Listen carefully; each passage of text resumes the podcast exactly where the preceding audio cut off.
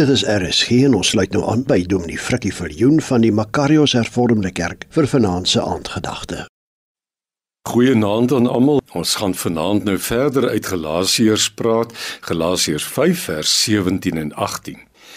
Wat ons sondige natuur begeer, is in stryd met wat die Gees wil. En wat die Gees wil, is in stryd met wat ons sondige natuur begeer. Hierdie twee staan lynreg teenoor mekaar. En daarom kan julle nie doen wat julle graag wil nie, maar as julle julle deur die Gees laat lei, staan julle nie meer onder die wet nie. Hoekom is dit so belangrik om in die Gees te lewe? Die rede is dis geen maklik om ander mense onselfsugtig lief te hê nie.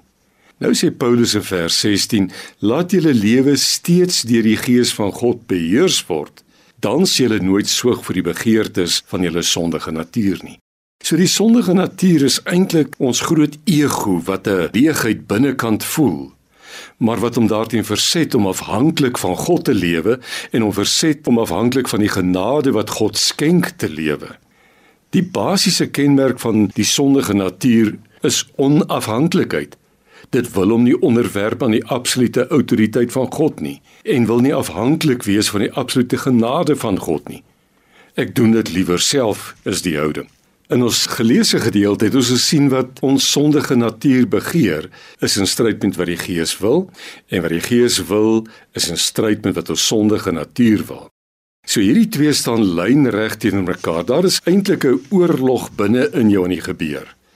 As jy in hierdie stryd gewikkeld is binne in jouself en soms net so magteloos voel om onselfsugtig liefde te leef, weet dan, dit is normaal. 'n Christen is nie iemand wat nie slegte begeertes het nie. 'n Christen is iemand wat deur die Gees oorlog verklaar het teen sy sondige natuur en sy slegte begeertes. Die Gees het reeds kom aanmeld in hierdie oorlog wat jy voer.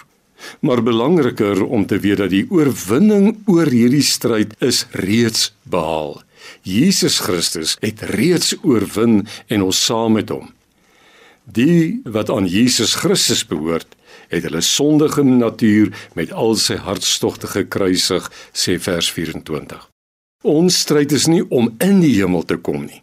Deur die geloof, deur God op sy woord te neem en te vertrou dat hy jou in Jesus Christus begenadig en verlos het, het jy die versekering dat jy nou reeds en vir ewig aan God behoort.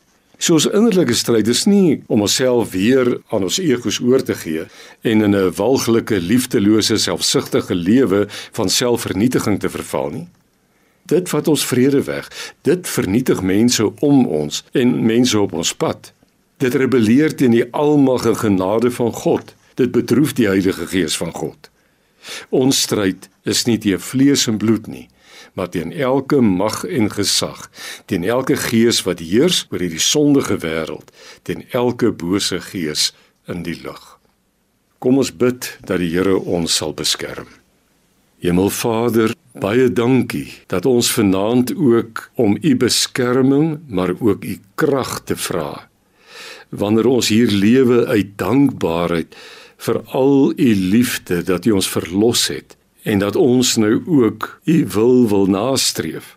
Dankie dat u ons die genade en krag daartoe gee. Amen.